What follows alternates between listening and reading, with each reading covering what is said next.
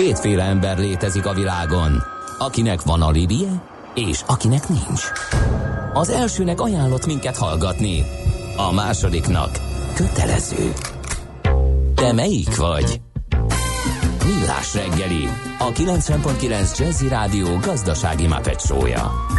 Ez nem animi, ez tény. No kérem, akkor folytatódik 8 óra 8 perckor a Millás reggel, itt a 90.9 Jazzin, benne Kántor Endre. És Miálovics András. És a hallgató is itt van a 0 30 20 10 9 en SMS és WhatsApp üzenetek formájában. Sziasztok, telefonfürke, egyelő City Light, poszter, hely az nagy üzlet még mindig. Igen, a fővárosban, de a pár száz fős településeken szerintem annyira mégsem lehet igaz, ez a matematika. Aztán kevesebb a hívás a fülkékből, és a globális felmelegedés tehet erről is. Szárazabb lesz az éghajlatunk, kevesebb a csapadék. Ej, beszeretett a magyar ember az eső elől a fülkébe menekülni, telefonálni egy jót, és közben természetesen rágyújtani. Nosztalgiázik egy másik hallgató illetőleg az milyen már, hogy a kerepesin a készenlétiekkel szemben a szállodánál az utasokra várakozó busz elfoglalja a buszsávot. A nap vicce, írja Petya. Hát de legyünk már toleránsak a hozzánk érkező jelentős GDP termelő külföldi turistákkal szemben, kedves Petya, én ezt tudom ajánlani, és akkor kicsit könnyebb lesz az életünk, és a teszt életed is személy szerint. Aztán jelentkezik a lepapa, Morgan kartársak, hiába kánikula, a hajnalok már hűvösek, fék nélkül kölcsön fixivel egy új dimenzió, azért üres volt a klinikák körült mester, külső mester, legalábbis kifelé tuti, írja ő. Meg kell, hogy fedjem, mert fék nélkül ugye a Kressz szerint nem szabad elindulni, de javíts ki a tévedek, te vagy Van ilyen a fixing fék, csak az a probléma, hogy ezt meg kell tanulni kezelni. Tehát ugye meg kell ugrasztani a hátsó kereket, akkor tudod megállítani a pedállal a hátsó kereket, és akkor utána állókerékkel újra leteszed, akkor megáll. Én már Kicsit a te csatos cipődön is végtelenül fel vagyok háborodva, mert azt ugye bekapcsolod a pedálhoz, és egy bizonyos boka mozdulatra old ki. De ha elesel, azt nem tudod. De az már, vészfékezni az kell, és le kell tenni a az- lábadat, azt nem az, tudod. Olyan, az, már, az már rutin, rutin.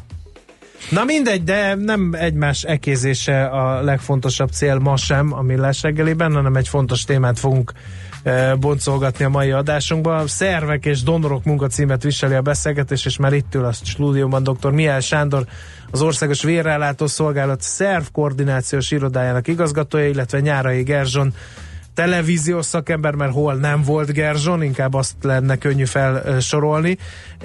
Ő egyébként az Y Media Team formáció alapítója is, és Meg a Cool Story Bro. Igen. Ezt majd um, kicsit részletesebben elmondja, hogy miért. Jó reggelt kívánunk! Jó reggelt, sziasztok! Jó reggelt! Um, és uh, van egy nagyon klassz kis uh, film, ami gyakorlatilag arról szól, ez a, a leadja a, a, a filmnek, amit majd közé teszünk mindjárt a Facebook oldalon, hogy amikor az OVS szervkoordinációs iroda telefonja megszólal, beindul a gépezet.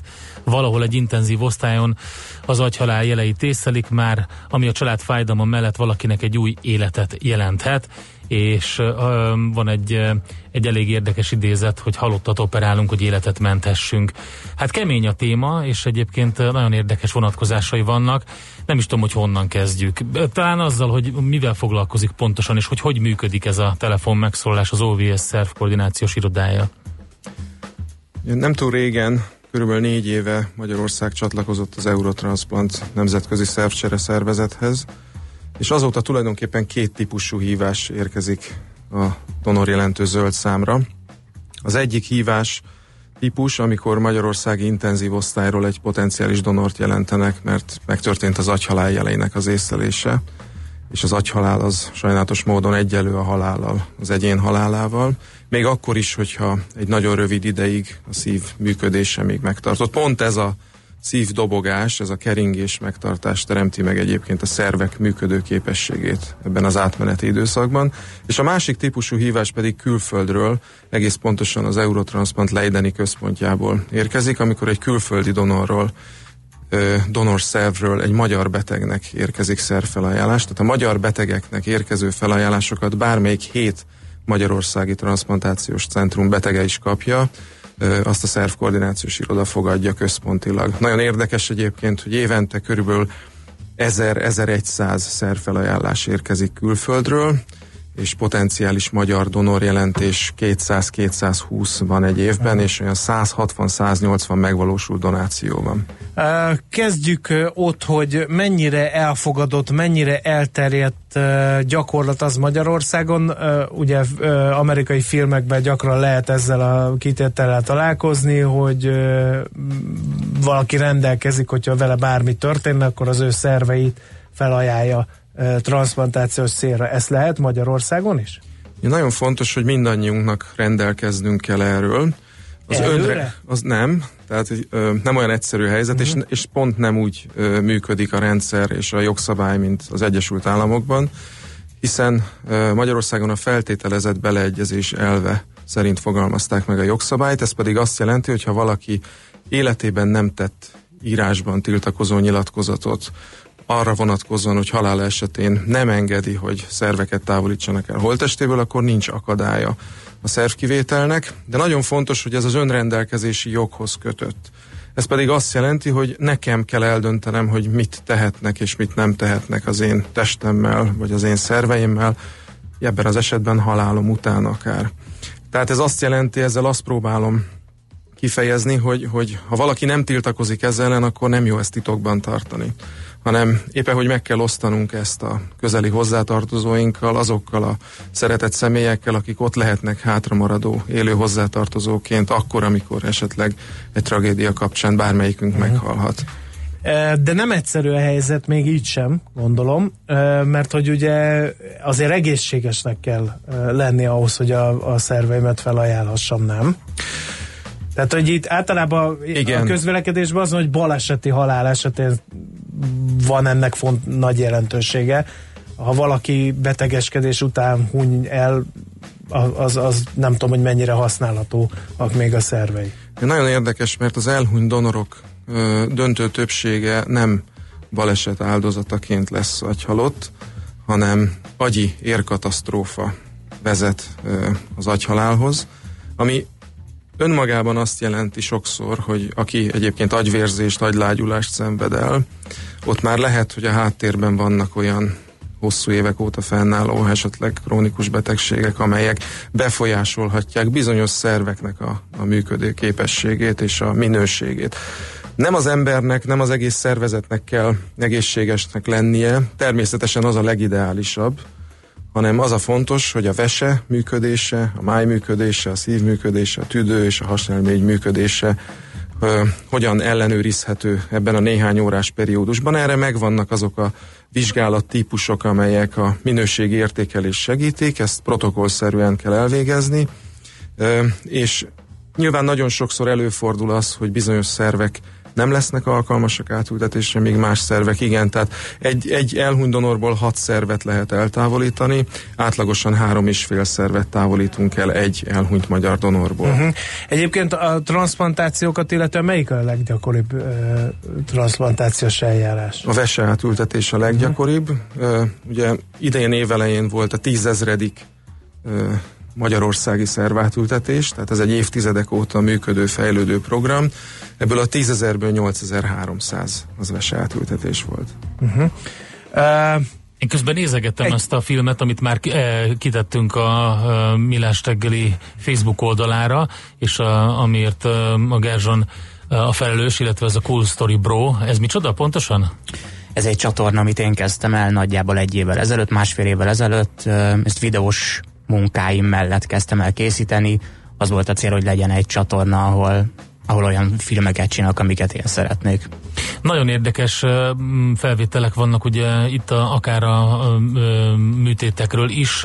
Ez, ez egyébként hogy, hogy sikerült ott filmezni? Hát de nagyon sok ilyen emberi személyiségi jog, meg mindenféle van, tehát hogyha már csak ebből a szempontból nézzük, akkor, akkor igen érdekes lehet bejutni kamerával e- ezekre a szituációkra? Igen, mondhatom, hogy egyszerű dolgom volt, mert igazából én egy e-mailt írtam Sándoréknak, és ezek után, megbeszélések után már Sándor segített nekem abban, hogy engedélyeket kapjak a különböző kórházakba, ami ugye azért volt nehéz, mert az agyhalál észlelését nem tudják bejelenteni hetekkel a, megtörténte előtt, így aztán nem lehet levelezésbe kezdeni a sajtóosztályjal, hogy ugyan mennék oda forgatni, és ebben segített Sándor. Hát akkor te ugyanúgy készelétben voltál, mint adott esetben a, a várólistán lévő betegek, vagy a műtétet végző orvosok, és akkor e, csöngött a telefon, rohantál kamerával forgatni? Ez, ez történt pontosan, igen.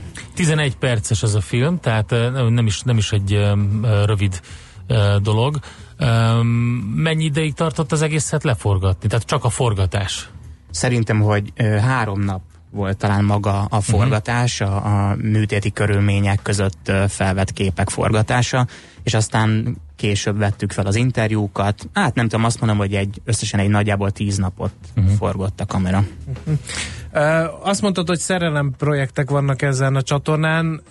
E, ilyen személyes érintettséged van ebben a szervátültetéses témában, vagy, vagy egyszerűen csak érdekelt? Nincs érdekelt, igen. Uh-huh. Lehet, hogy jobb sztori lenne mondanék valami személyes érintettséged, de nem, uh-huh. egyszerűen csak uh-huh. érdekelt a téma. Uh, visszatérve egy kicsit uh, Mihály Sándorhoz, engem meglep, hogy az országos vérellátó szolgálat koordinálja ezt a dolgot. És nincs erre külön szervezet. Tehát ugye ide lehet bemenni vért adni, a vér is valahol egy ilyen transplantációs eljárás? Ez a logika vezetett oda, hogy itt van ez a self-koordinációs iroda? Létezett korábban 2006-ig egy, egy külön szervezet, de a kormányzat, egészségügyi kormányzat jobbnak látta ezt integrálni egy nagyobb szervezetbe. Én azt mondom egyébként, hogy ez egy nagyon hatékonyan működő együttműködési lehetőség. Azért egyébként, mert például azt az informatikai kapacitást, fejlesztési kapacitást, amit a mi tevékenységünk igényel, az sokkal nagyobb mértékben használja ki a vérellátás.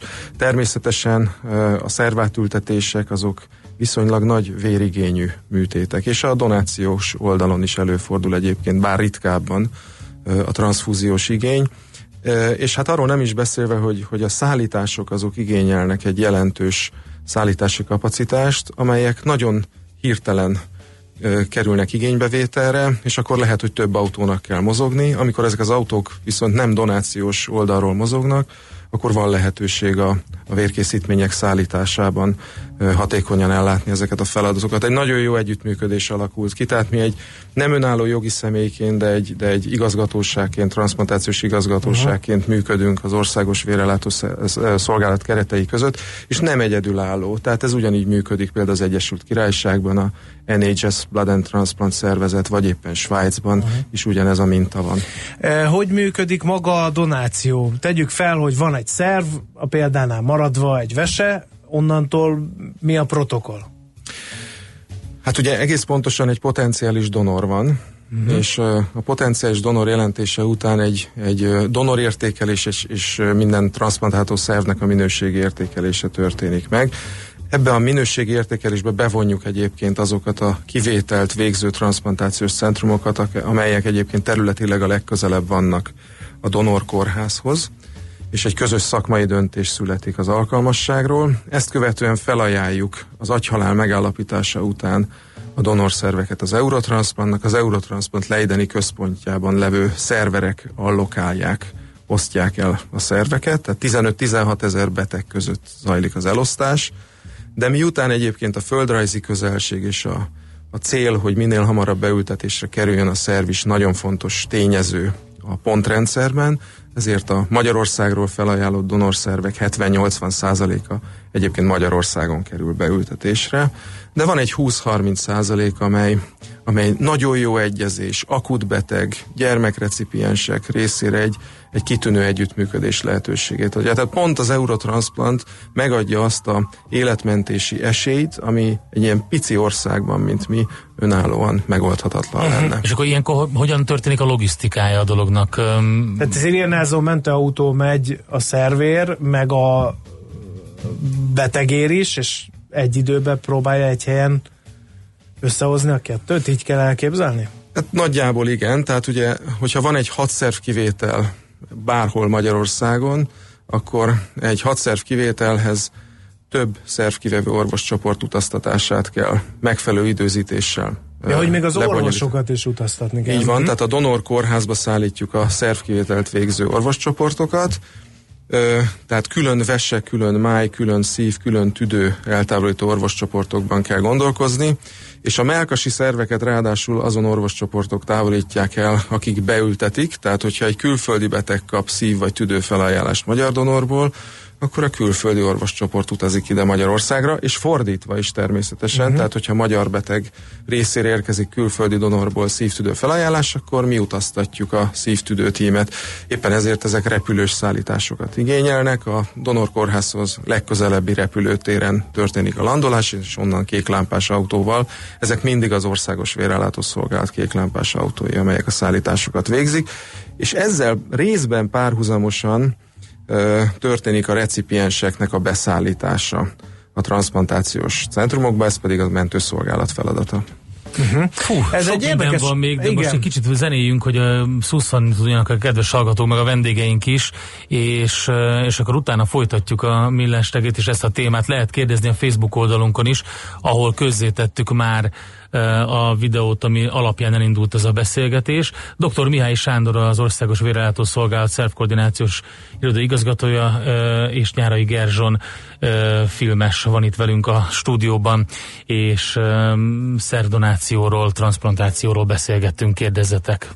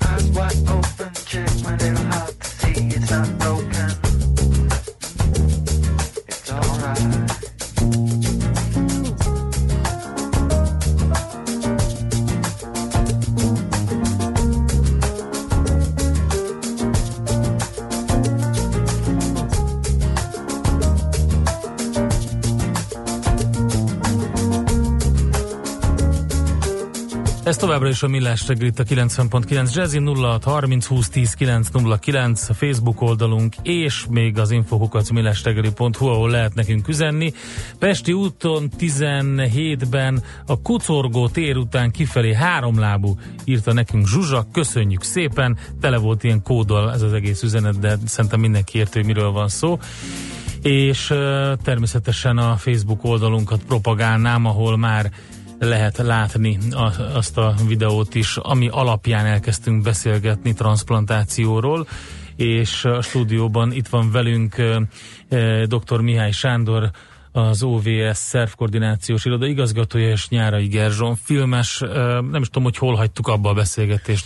Hát ugye ott én figyeltem azért, Na, uh, ugye ott, Istennek. hogy hogy megy ez a protokoll. Uh, egy kicsit így a váró listákról beszélgessünk, oda, tehát hogyha, hogyha valakinek olyan a betegsége, hogy eldől, hogy valószínűleg szervált ültetésre lesz szüksége, akkor van egy ilyen várólista, ez talán közismert uh, tény uh, azok szemében is, akik ugye szerencsés módon nincsenek ilyen várólistán rajta, de ugye barátok, családok, ismertségi körben azért híre megy, hogy van ilyen várólista.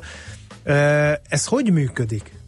Magyarországon szerv típusonként és négy egyetemi központban összesen kilenc szervtransplantációs várólista van és amikor valakinek végstádiumú szervelégtelensége alakul ki, mondjuk a leggyakoribb veselégtelenség, akkor egyrészt vesepótló kezelésre szorul, és a kezelőorvos... Ez a dialízis. Dialízis, így van. És a, és a kezelőorvos fogja kezdeményezni a betegnek a várólistára helyezését, ami azt jelenti, hogy a, hogy a dokumentumokat, amelyek a, az állapot megítélésre szolgálnak, felterjeszti, benyújtja a Várolista Bizottság elé, és ez a háromtagú transplantációs bizottság pedig döntést hoz, szükség esetén a beteget ö, megnézi személyes kontroll során, és ö, döntést hoz arról, hogy ez a szervátültetési várolistára helyezés ez indokolta, vagy sem. Ez nagyon jó kérdés, és nagyon fontos abból a szempontból is, hogy tudni kell a bizottságnak azt, hogy egyrészt van egy transplantációs ablak, így szoktuk hívni, amikor már olyan rosszul van a beteg, hogy a transplantáció indokolt, de még nincs annyira rosszul, és ezért kibírja a műtéti terhet. Éppen ezért azt is figyelembe kell venni a várólistára helyezéskor, hogy mennyi az átlagos várakozási idő, ami egyébként szervenként különbözik. Tehát vesére ma Magyarországon három, három és fél évet kell várakozni. Egyébként ez ez nagyon ijesztő, hosszú időnek tűnik. Hát de mondjuk, főleg annak, aki ugye beteg. Így van, így van, de egyébként itt nagy szórás van természetesen, bár hozzá kell tenni, hogy például a fejlett Németországban ez a várakozási idő 7 év mert hogy fejlődik az egészségügy. Tehát, hogy, és fölismerik egyre nagyobb gyakorisággal a végstádiumú szerveléktelenséget, de a, a vesse átültetés és a hasnyálmirigy átültetés azok Bocsánat, nem... Hogy tisztázzuk, tehát, hogy egyre korábban, korai, korábbi stádiumon ismerik fel a betegséget. Ezért aztán ezért egyre rög, több vesére rög, van szükség. Jó, de akkor rögtön tudják jelezni, hogy itt valószínűleg vesére lesz szükség, ezért az a hét év, az, az nem egy olyan kritikus időszak akkor annak a, annak a, a recipiensnek? Hát a német ö, példa az, az nyilván egy picit sarkos példa volt, tehát Németországban nagyon ö, jól működő, jól finanszírozott egészségügyi ellátás keretei között a művese programok jól működnek, uh-huh. és mhm. kevés donor van. Ja, értem. Ö, éppen ezért fejlettség és pénz ide vagy oda, egy donorkártyás országban sajnos módon nem áll rendelkezésre annyi szerv, amennyire szükség lenne.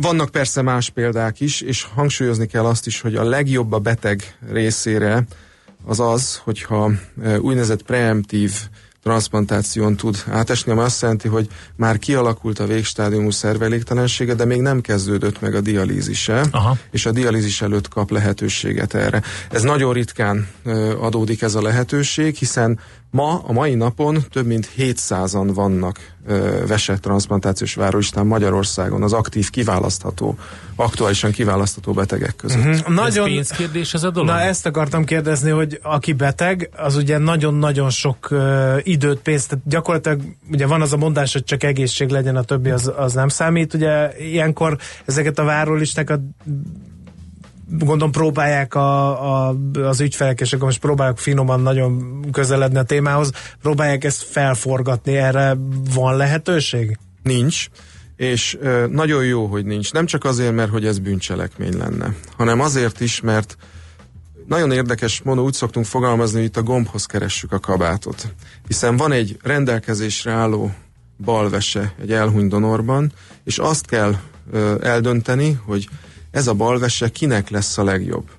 És itt nem a korábban nem említett, vagy finoman felsejlő szempontok számítanak, hanem az, hogy kinek lesz ez a leghosszabb életminőséget, életéveket nyújtó lehetőség. Ehhez pedig immunológiai vizsgálatokat, vizsgálatokat kell végezni, ki kell keresni a 740 magyar beteg közül azt a néhány beteget, aki immunológiai legjobban illeszkedik ehhez a donorveséhez, mert ebben az esetben a leghosszabb ideig fog működni ez a vese. Természetesen a várakozási idő, a közelség, az, mind-mind befolyásoló szempont, de azt nem lehet ezt a, ezt a hibát kiküszöböli a rendszer, hogy, hogy azonnali kilökődéssel nagyobb bajt okozzon uh-huh. ez a beültetett vese pusztán a sürgetés miatt. Egyébként is egy nagyon biztonságosan működő és nagyon alaposan ellenőrzött rendszerről van szó, tehát mi független hatóságként látjuk a várólistákat, nyomon követjük a várólista bizottságok munkáját. Ez azt jelenti, hogy a bizottság ülésezik, jegyzőkönyvet vesz föl, hogy kit helyezett várólistára, és a mi központi várólista irodánk az OVS-ben ellenőrzi a bizottsági jegyzőkönyv alapján, hogy az Eurotransplant regiszterben tényleg azok a betegek olyan adatokkal bekerültek-e. Gerzson, te láttad ezeket a nüanszokat, ezeket a dolgokat, ezeket megtapasztaltad, amikor, amikor készült a film?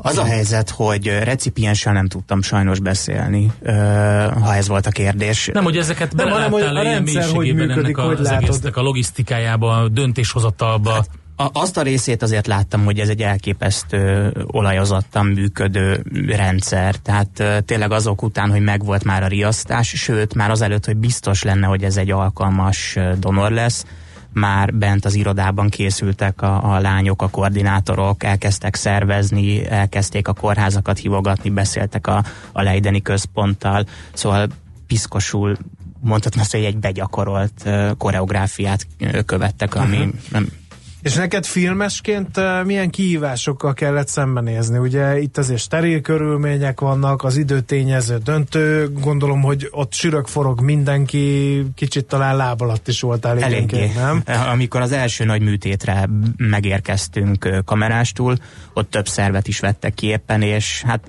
több mint 20 ö, ö, ember ügyködött éppen bent a műtőben, tehát piszkosul láb alatt voltam. Nekem akkor még át kellett öltöznöm steril ruhába, ami nyilván kicsit bénáztam, nem találtam, hogy melyik az én méretem, kamerát hova teltem, stb. Ö, nehéz volt, de, de érdekes volt. Az volt talán a legnehezebb, hogy olyan dolgokat szerettem volna felvenni, fel is vettem, csak szerettem volna bevenni a, be, bevágni a videóba, amit nem tehettem, meg voltak olyan képek, amik elképesztően érdekesek és szomorúak voltak, és jó lett volna belevágni a videóba, nem, de nem uh-huh. volt mhm. rá lehetőség. megviselt, megviselt emberileg ez a, az egész rendszer, vagy így szakmailag közelítette hozzá, és egy kicsit ilyen kívülről szemlélted, és nem vonottál bele ebbe érzelmileg? Van a videóban egy hozzátartozó szülőpáros, ők donor hozzátartozók, akik megszólalnak a fiúk elvesztéséről, az a része nagyon megviselt. A műtéti oldal kevésbé. Uh-huh. Uh, azt mondtad, hogy ezek ilyen szerelemprojektek, ez, ez, ez így hogy, hogy találtál erre rá? Azért biztos vannak a bakancslistádon, meg az átlagember bakancslistáján érdekes dolgok, de talán pont egy ilyen, egy ilyen folyamatnak a bemutatása az nem szerepel köztük. Azt hiszem, hogy nagyon régóta érdekelt. Ez a téma is, általában az egészségügy, sokat olvastam róla már, már gyerekkorom óta, és megragadt, megmaradt bennem. Uh-huh. No, most egy kicsit megint szusszanjunk, jönnek szépen a hallgatói észrevételek, hozzászólások, ezeket majd a beszélgetés végén olyan háromnegyed Hát kilenc magasságában, vagy hamarosan a hírek, a hírek után, után akkor igen. szembesítjük vendégeinket, úgyhogy ragadjátok meg a lehetőséget 0 30 20 10 9 0 9 SMS és WhatsApp számunkon lehet még kérdezni. Témánk a szervát ültetés, és ennek kapcsán készült egy film is az ő a, a, ennek a alkotója és itt a stúdióban. Műsorunkban termék megjelenítést hallhattak. Rövid hírek a 90.9 Jazzin. Napi egy millió liter vizet tud termelni a fővárosi vízművek. Ez a duplája annak a mennyiségnek, mint amennyire a hőség és a szárasság miatt megnőtt kereslet mellett szükség van.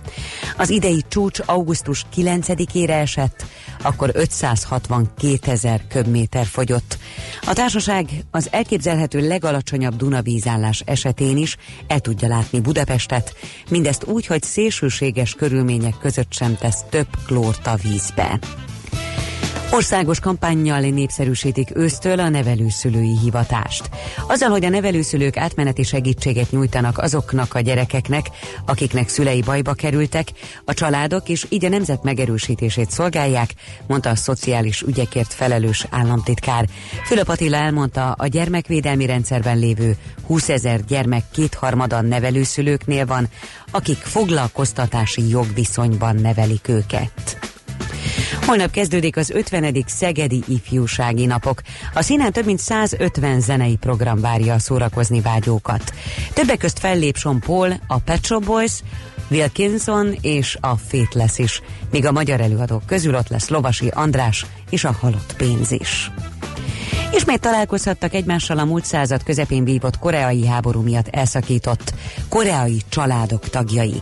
Ilyen találkozó már három éve nem volt, de a két Korea viszonyának kiavulásával ismét megszervezték az összejövetelt, amelyre több mint 57 ezren jelentkeztek. Még 90 család, 330 tagja találkozhatott 185 északon élő rokonával.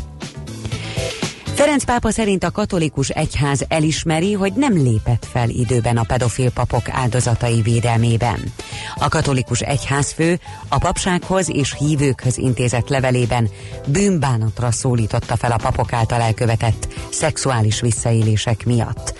A pápa a penszilvániai papság pedofil cselekedeteiről közölt jelentés nyomán írta meg levelét. Ma is marad a sok napsütés, amit csak időnként zavarhatnak majd felhők. Északkeleten egy-egy zápor zivatar sem kizárt, a szél csak zivatarban erősödhet meg. Délutára már 30 és 35 fok közé melegszik a levegő. A mostani előrejelzések szerint a forróságnak szombaton vet véget egy hideg front. A hírszerkesztő Schmidt-Tandit hallották friss hírek legközelebb fél óra múlva. Budapest legfrissebb közlekedési hírei, itt a 90.9 jazz a fővárosban baleset nehezíti a közlekedést a második kerületben a Török úton a Vérhalom utcánál. Erős a forgalom a Váci úton befelé az Árpád út előtt és az Árpád híd közelében mindkét irányban, a Kerepesi úton befelé a Hungária körút előtt, a Rákóczi úton a Barostértől a Blahalújza térig, a Nagykörúton és a Hungária körgyűrűn szakaszonként mindkét irányban. Telítettek a sávok az M1 autópálya közös bevezető szakaszának az Zagréti felhajtótól és tovább a Budörsi úton, a Hegyalja út Erzsébeti híd útvonalon. Tart a Nagykörúton a villamospálya felújítása, Mától holnap estig az Oktogon és a József utca között mindkét irányban szakaszosan lezárják a belső sávot. Az Üllői úton befelé a Száva utca és a Pöttyös utca között szakaszos sávlezárásra kell számítani közműépítés miatt. Szép csillabékeke info. A hírek után már is folytatódik a millás reggeli. Itt a 90.9 jazz Következő műsorunkban termék megjelenítést hallhatnak.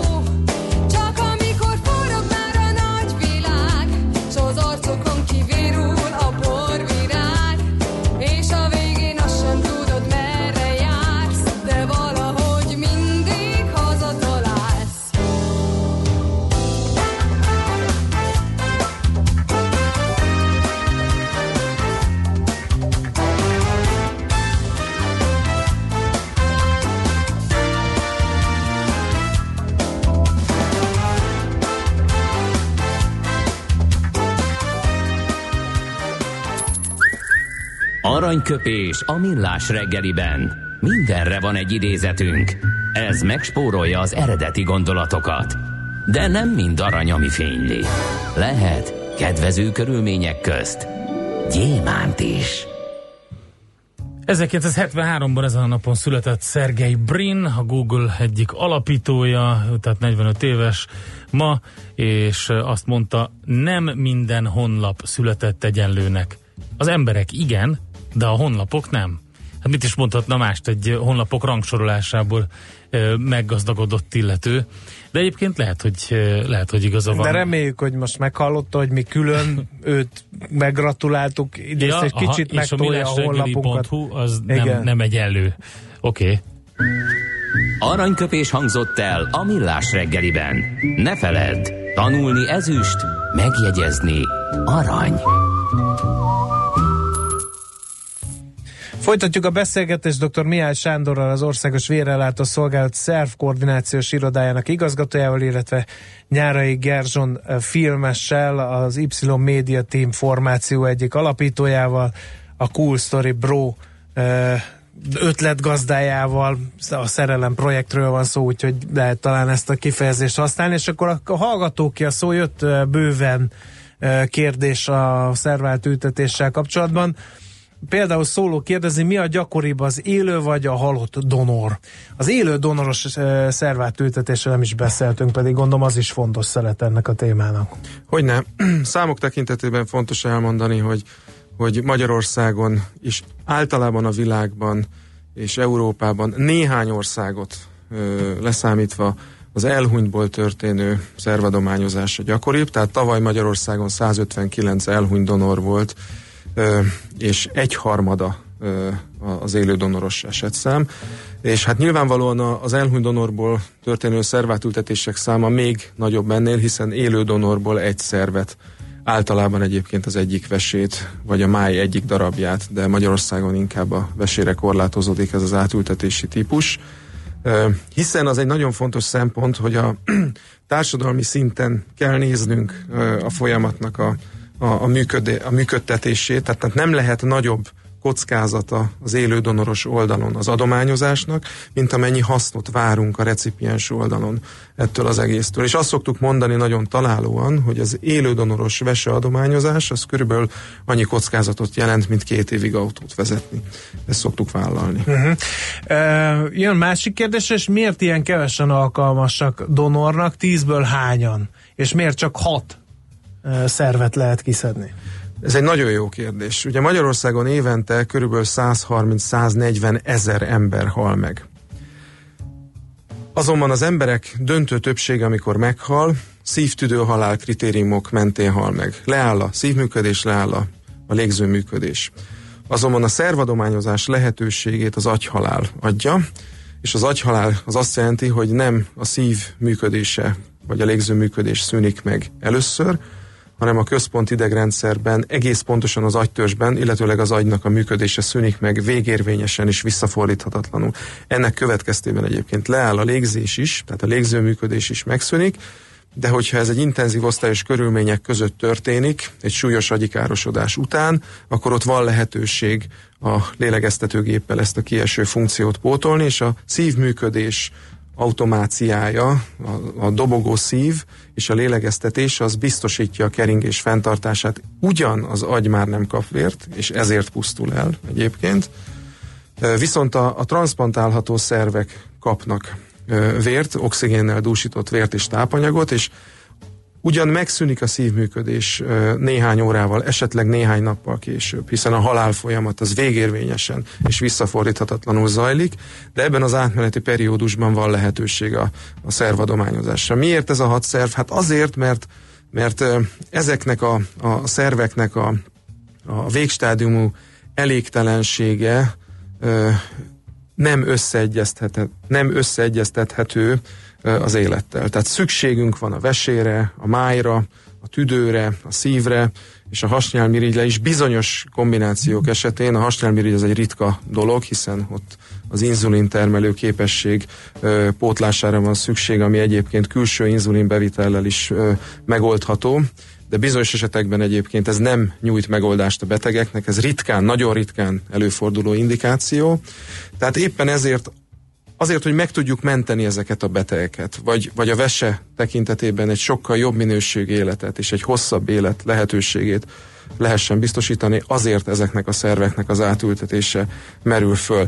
De például a világban foglalkoznak már e, anyasság kérdései között a mély átültetéssel, van erre példa, de ugye itt számos kockázatot kell figyelembe venni, és éppen ezért döntően ennek az ötféle szervnek és a vese páros szerv révén hat szervnek az átültetése terjedt el. Évtizedes programok uh-huh. keretei között. Aztán egy kételkedő hallgató, az lehet, hogy a betegek nem tudják felforgatni a rendszer, de a professzor úr a magánbetegei számára egészen biztosan bele tud nyúlni. Magyarországon élünk, véli ő. Természetesen Magyarországon élünk, és nyilván vannak a, a, lehetnek a professzornak magánbetegei, azonban a rendszer úgy működik, hogyha van egy donor felajánlás az Eurotransplant felé, akkor a 15 ezer 8 tagállamban levő beteg közül az első 15 betegről készít egy listát egy számítógép. A professzor úr nem tud belenyúlni, hiszen Tehát ott, ez egy ott sincs. Ez, ez ott van, uh-huh. így van, és ráadásul független szervezetek, hatóságok ellenőrzik. Tehát az első felajánlás az első betegnek megy. És hogyha nem az első beteg kapja, hanem a második, vagy a hetedik, akkor az első beteg lemondási okát azt regisztrálnunk kell a rendszerben, hogy és ezt egy függet, uh-huh. így van. Tehát lehetnek számos tényező, számos hát tényező Persze. befolyásolhatja, aktuálisan egy másik betegsége kapcsán kórházi ellátást kap ez a beteg. Vagy éppen a lánya esküvőjén van, és most éppen nem szeretné ezt a vesátültetést. Nyilván ez egy nagyon extrém példa volt, a másik az sajnos gyakrabban fordul elő, de az, a lényeg az az, hogy ezeket dokumentálni kell, és független szervezetek tudják és ellenőrzik is ezeket a lemondási okokat. Simát nehogy egy olyasmi ok legyen Igen. mögötte, hogy egy nagyobb összeggel meg kéne, tehát azon az oldalon Igen. megy be az, amiről beszéltünk, ugye, hogy a pénz hogy hogy talál oda. Egyre egy kérdés sem maradt idő, Igen, sajnos. a végére én a Gerzsontól kérdezném, hogy hogy áll a film nézettsége, milyen visszhangja van ennek, és hogy mi a következő szerelem projekt, amin dolgozol. A következő szerelem projekt sem túl vidám, az is egy hosszabb film lesz, egyébként lesznek rövidebb ö, epizódok, azok azok már ö, ö, adhatnak majd okot. Ö, 23 ezernél tart, azt hiszem, hogy a film nézettsége nagyjából ilyen tízezer előttük belőle, hogy annak annak örülnénk. Uh-huh. Hát látszik egyébként, hogy érdekli az embereket ez a téma, ahhoz képest, hogy nyár és szabadságolás van, elég sok uh, észrevételt kaptunk. Nagyon szépen köszönjük. Én azt ajánlom mindenkinek, hogy folytassuk a Facebookon, Igen. ott uh, a filmet kiposztoltuk, és az alatt uh, nyugodtan Igen. lehet kommentelni, kérdezni, úgyhogy uh, és kedves vendégek is Igen. ránézhetnek. Nagyon szépen köszönjük Mihály Sándornak, az Országos Vérellátó Szolgált SZELF koordinációs irodájának igazgatójának, illetve Nyárai Gerzsonnak uh, televíziós szakembernek, az Y Media Team formáció alapítójának, lehet ezt így, Gerzson nagyon tiltakozik mindig, de én meg már így nem engedem el ezt a titulust. És akkor zárjuk egy olyan üzenettel, ami talán sokak számára egy kicsit emberközelébbé helyezi, nem mintha nem lett volna az eddig is ezt a beszélgetést. Üdvözletem, minden tisztelet ezeknek az orvosoknak. Jó magam 2005-ben kaptam vesét, ami azóta tökéletesen működik, olyannyira, hogy az idei évben 10 év kiadás után két gyermek boldog apukájaként ismét megpróbálkozom a szervát ültetett válogatott tagja lenni. Hát azt gondolom, hogy ez egy szép üzenet, és nagyjából ilyen és ez hasonló értelme, értelme, értelme van a. Van a munkának igen. Nagyon szépen köszönjük, köszönjük még egyszer. Sok köszönjük sikert és sok erőt kívánunk a továbbiakhoz mindkettőtöknek. És folytatjuk egy kicsit hasonló témával, mert ugye itt megkérdezte valaki, hogy miért csak ezeket a szerveket lehet átültetni, és akkor eszébe jutott az embernek, hogy esetleg megroncsolódott végtagokat például miért nem lehet. Hát kérlek szépen, bionikus protézisek, mesterséges intelligencia fejlesztéssel ez a következő témánk itt a Millás reggeliben.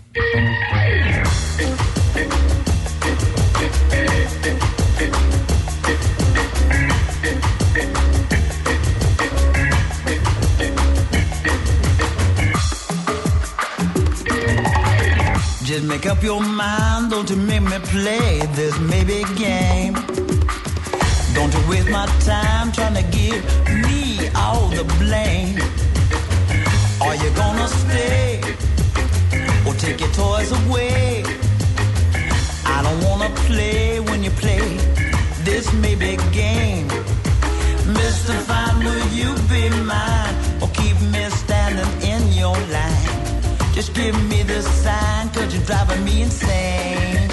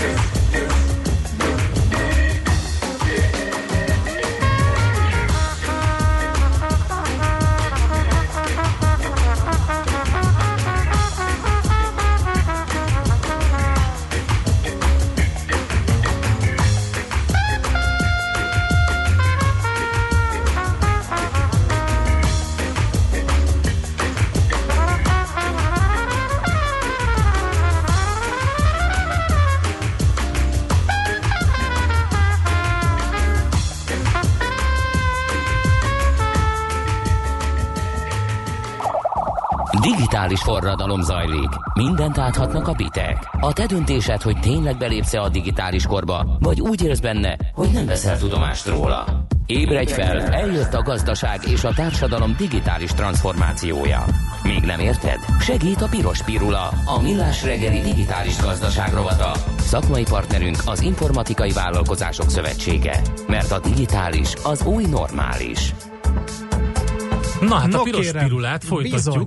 Szeptember 13-án és 14-én Sárváron lesz Menta 2018, ez ugye menedzser találkozó, az IVS már 25 éve szervezi, szinte minden ágazatot érintő digitalizáció egyik legfontosabb szakmai rendezvénye szerintem. Közel 500 vállalatvezető lesz ott, és az innovatív startupoktól a nagyvállalatokig minden szektor képviselteti majd magát. És a program készül, szögelődik össze, és hát megragadta figyelmünket az egyik programpont, ez pedig a bionikus protézisek mesterséges intelligencián alapuló fejlesztéséről szóló előadás lesz. Igen, és talán ez egyik legnagyobb érdeklődéssel várt előadó, Lévai György van itt a vonalban velünk. Szervusz, jó reggelt kívánunk! Jó reggelt, köszönöm, hogy itt lehetek. Hát gyakorlatilag minden szót dekódolni szükséges talán, a bionikus protézisek, mesterséges intelligencia, talán a fejlesztés nem tartozik ezek közé, mert azt azért tudja talán értelmezni egy átlagos földi halandó is, de mi az, hogy bionikus protézis? Ez azért egy eléggé, ez egy olyan szó, amit arra találtak ki, hogy jól hangozzon maga ez a terület, de alapvetően az a lényege, hogy valamikor az első háború környékén elkezdtek a levágott kezek, lábak helyére rakni valamilyen kiegészítő eszközt. Persze akkor ezek még semmit nem tudtak csinálni, csak nagyjából bökni lehetett velük. Aztán, ahogy az idő haladt előre, egyre fejlettebb eszközöket találtak ki, és eh, ez mindig háborúkhoz volt köthető, mert persze akkor volt egy csomó amputáció, de valamikor a, az 1900-as évek közepén, az 50-es, 60-as években elkezdtek elektromosan hajtott protéziseket előállítani, és uh, ahhoz, hogy ezeket irányítani lehessen, kellett találni valamit az emberi testen, amivel uh, ez, ez megoldhatóvá válik. Így aztán elkezdték a megmaradt izmokról levenni az elektromos jeleket, és ezekkel megpróbálni irányítani ezeket az elektromos protéziseket. Tehát gyakorlatilag elérték azt a pontot, hogy, hogy azt, amit a, az ember szeretne végrehajtani egy nem az ő testrészével, azt, hogyha valamilyen jelet ad testével, akkor az a végtag az végrehajtja ezt a mozdulatot. De mondjuk a, az akkori 50-es években ez úgy nézett ki, hogy egy hatalmas elektródát ráraktak a, a mondjuk, hogyha levágták valakinek a, a, a könyöke fölött a, a karját, akkor a, a bicepszére, és hogyha megfeszítette a bicepszét, akkor a protézise végén összecsukódott egy kéz. És innentől kezdve beszélhetünk gyakorlatilag bionikus protézisekről. Uh-huh. Ez már az 50-es években volt? Akkor tájt kezdődött, igen. Ez nagyjából egy időben, nagyjából egy időben indult el így a, a, a, digitalizációval igazából. Uh-huh. ezek, a, ezek az ilyen rehabilitációs irányok, ezek mindig korai szakaszaiban vannak a, a, a fejlődésnek. Egy érdekes példa nem a, a protézisek világából, az a, a, a hangfelismerés. Nagyon nagy, minden telefonban benne van a, a Siri, meg a, a Google Assistant, meg minden. Ez onnan indult, hogy, hogy, hogy szintén a, a, a 60-as, 70-es években elkezdtek a, a, a látássérülteket segítendő, beszédfelismerő szoftvereket uh-huh. írni. Persze akkor még nagyon fejletlenek voltak, de amint ez elért egy olyan szintet, hogy használhatóvá vált, a, a piac felvásárolta, és beleépítették mindent. Ez a protéziseknél még nem tartunk itt, még kicsit fejletlenebb a, a helyzet, de, de ugyanez, a, ugyanez a tendencia mutatkozik, hogy, hogy amint valami új technológia létrejön, a rehabilitációs irányzatok ráugranak, megpróbálják felhasználni, és akkor azokból a felhasználásokból sokszor um, ipari felhasználás is lesz. Oké, okay, hogy jön ide akkor a mesterséges intelligencia a képbe a, a protézisek, bionikus protézisek mellé? A, az elképzelés az, hogy ahogy az előbb említettem, régen úgy csinálták, hogy az eredetileg az volt a, a, a módszer, hogy valaki megfeszítette a bicepszét mondjuk, és az összecsukta a kezedbe. Tehát ha megpróbálod a kezedet becsukni, akkor nem a bicepszedet feszíted jobb esetben, ha csak nem meg akarod mutatni, hogy mekkora. De egyébként a cél az lenne, hogy ugyanazokkal a jelekkel, amikkel eredetileg mozgatnánk uh-huh. a kezünket, ugyanazokkal a jelekkel kéne a protézist is mozgatni.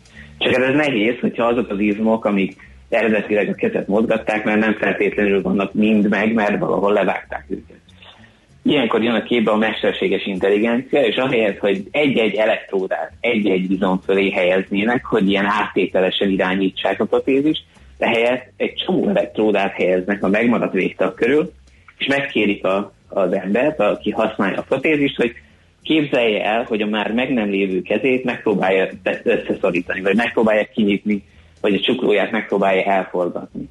És hogyha ezt megteszi, akkor ezen a sok elektródán, amit a, a megmaradt végtagját helyeztek, ezen egy elektromos jel minta alakul ki. Van, amelyik izom jobban megfeszül, van, amelyik kevésbé, de mindegyik valamilyen elektromos jelet generál, és hogyha egyben írtam az összeset, akkor ez egy mintát ad ki. Most ezt a mintát lehet megtanítani egy mesterséges intelligenciának, aki utána, amikor használja a protézist, megpróbálja valós időben megjósolni, hogy amikor éppen valamilyen elektromos jelmintát ad le a felhasználó, akkor az milyen mozdulatnak kellene, hogy legyen, és ez alapján, a jóslat alapján fogja mozgatni magát a protézist.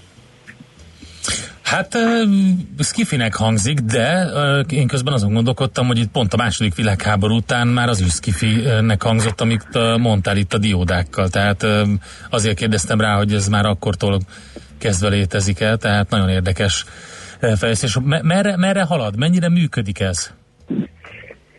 Működni működik, az igazság, hogy azért még, még fejlődni, de a probléma az, hogy, hogy a kéz irányítása az egy nagyon-nagyon uh-huh. kaotikus és absztrakt probléma. Hogyha egy, egy lábprotézis nézünk, ott elég jól tudjuk, hogy a láb mit csinál, az menni próbál, nagyon sok minden mást nem nagyon csinálunk vele, azon kívül sét, vagy lépünk vele, néha gyorsabban, néha lassabban, néha meg akarunk rúgni valamit, de ezek elég jól definiálható ilyen kinematikai problémák. A kéznél abszolút nem ez a helyzet, a kéz az teljesen kaotikusan jön, megy jobbra-balra attól függően, hogy az ember mit akar vele csinálni, és ezért teljesen egy nagyon-nagyon összetett irányítási problémát jelent. Még kezünkben 23 szabadságfok van, hogyha a csuklót is belevesszük, azaz 23 olyan különböző irányba tudjuk gyakorlatilag mozgatni. 23 izület van, aminek a, a mentén tudjuk mozgatni. Mindezt irányítani jelenleg még lehetetlen. Ezzel a mesterséges intelligencia alapú irányítással is ö, legjobb esetben egy 9-10 különböző dolgot tudunk irányítani egy protézisen, és az már nagy szó, azt már nem mindig tudjuk 100%-os biztonsággal irányítani, de, de ez még mindig távol van attól, hogy az emberi kéz az párhuzamosan képes 23 izületet vagy együtt, vagy külön mozgatni. Szóval egy nagyon nehéz irányítási feladat, amit még, nem sikerült megoldanunk. Hát akkor ez a következő feladat, gondolom, előttetek is. Hát ez, ez a feladat, nagyon sokan is dolgoznak rajta, de az igazság, hogy még, még, még több, több lépcsőfok hiányzik, nem csak mérnöki oldalról, de az orvosi oldalról, és itt már olyan dolgokról beszélünk, hogy be kell ültetni elektródákat közvetlenül idegekhez kell uh-huh. kapcsolni őket.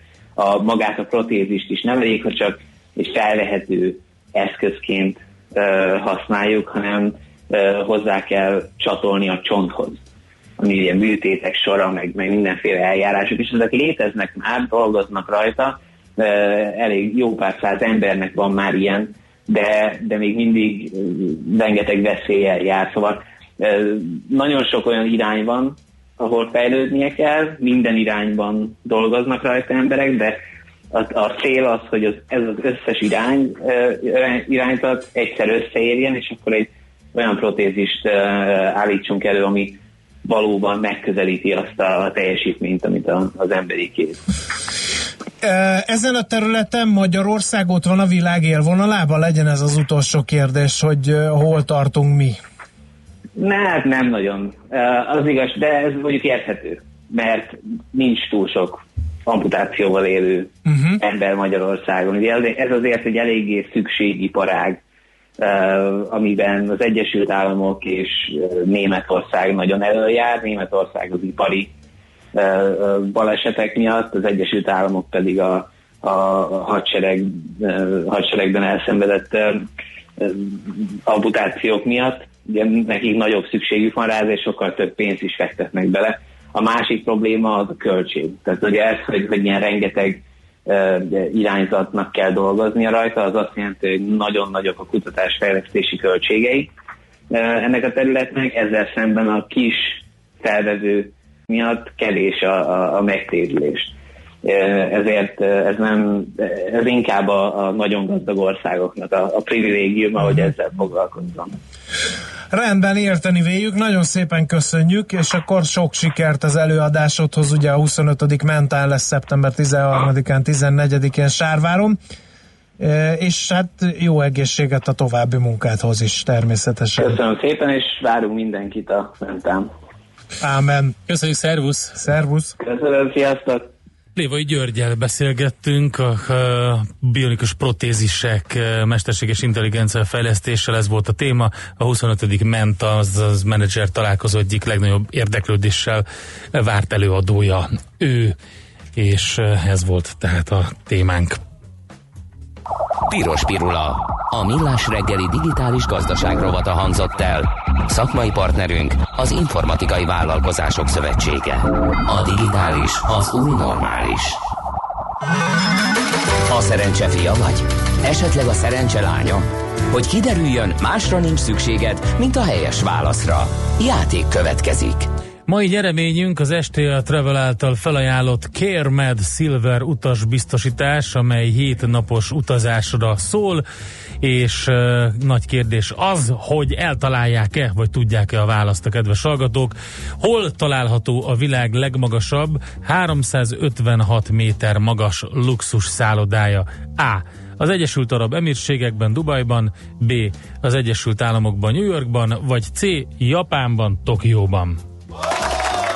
A helyes megfejtéseket ma délután 16 óráig várjuk a játékkukat jazzy.hu e-mail címre. Kedvezzem ma neked a szerencse!